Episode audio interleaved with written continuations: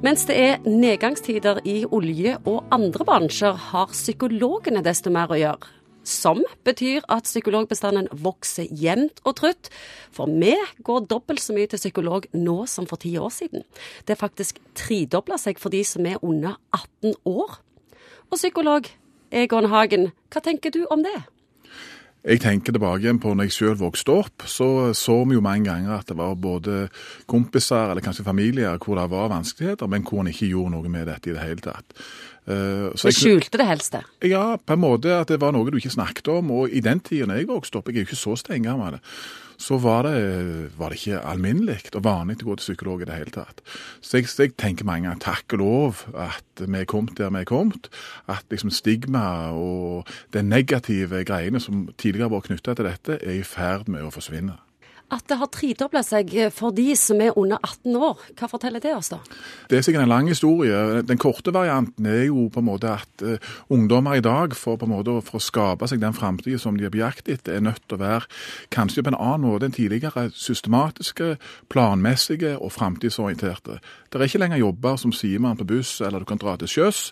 Du må på mange måter hele veien forholde deg til det der alvoret i livet. Og du har ikke de parentesene i ungdomstida som kanskje vi hadde.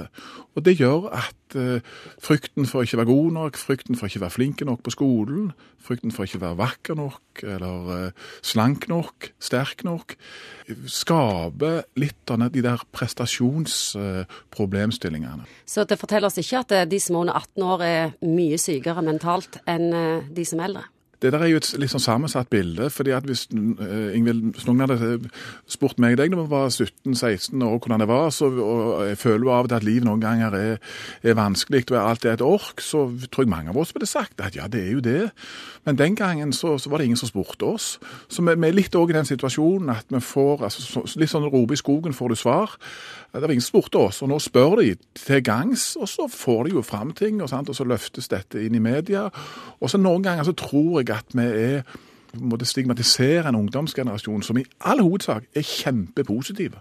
Hvorfor kommer folk til psykologen, stort sett? Ja, du kan si Det er i to uh, hovedgrupper. kan du si. Hvis du er kjempesyk, så går du på sykehuset. og Hvis du måtte ha mer sånn uh, voksesmerter eller uh, kjærlighetsproblemer eller samlivsproblemer, så går du kanskje til en privatpraktiserende psykolog. Og Det er fordi at du får anledning til i en trygg kan du si, setting snakke om ting som du vet bare blir der. Sånn at uansett, Vi er jo forskjellige med psykologer, men, men det som er felles for alle, er at det er en taushet rundt samtalen. En, altså en veldig sterk juridisk taushet.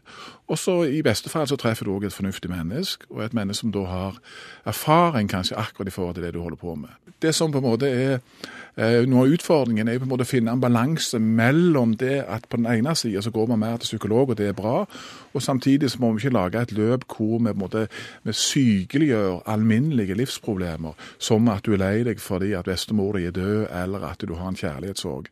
Vi er ikke lagd for å gå i stykker, men, men smerte og alt dette er òg en del av livet. Men sånn som det er i dag, så er det jo en diagnose for alt. Vi feiler jo noe hele gjengen.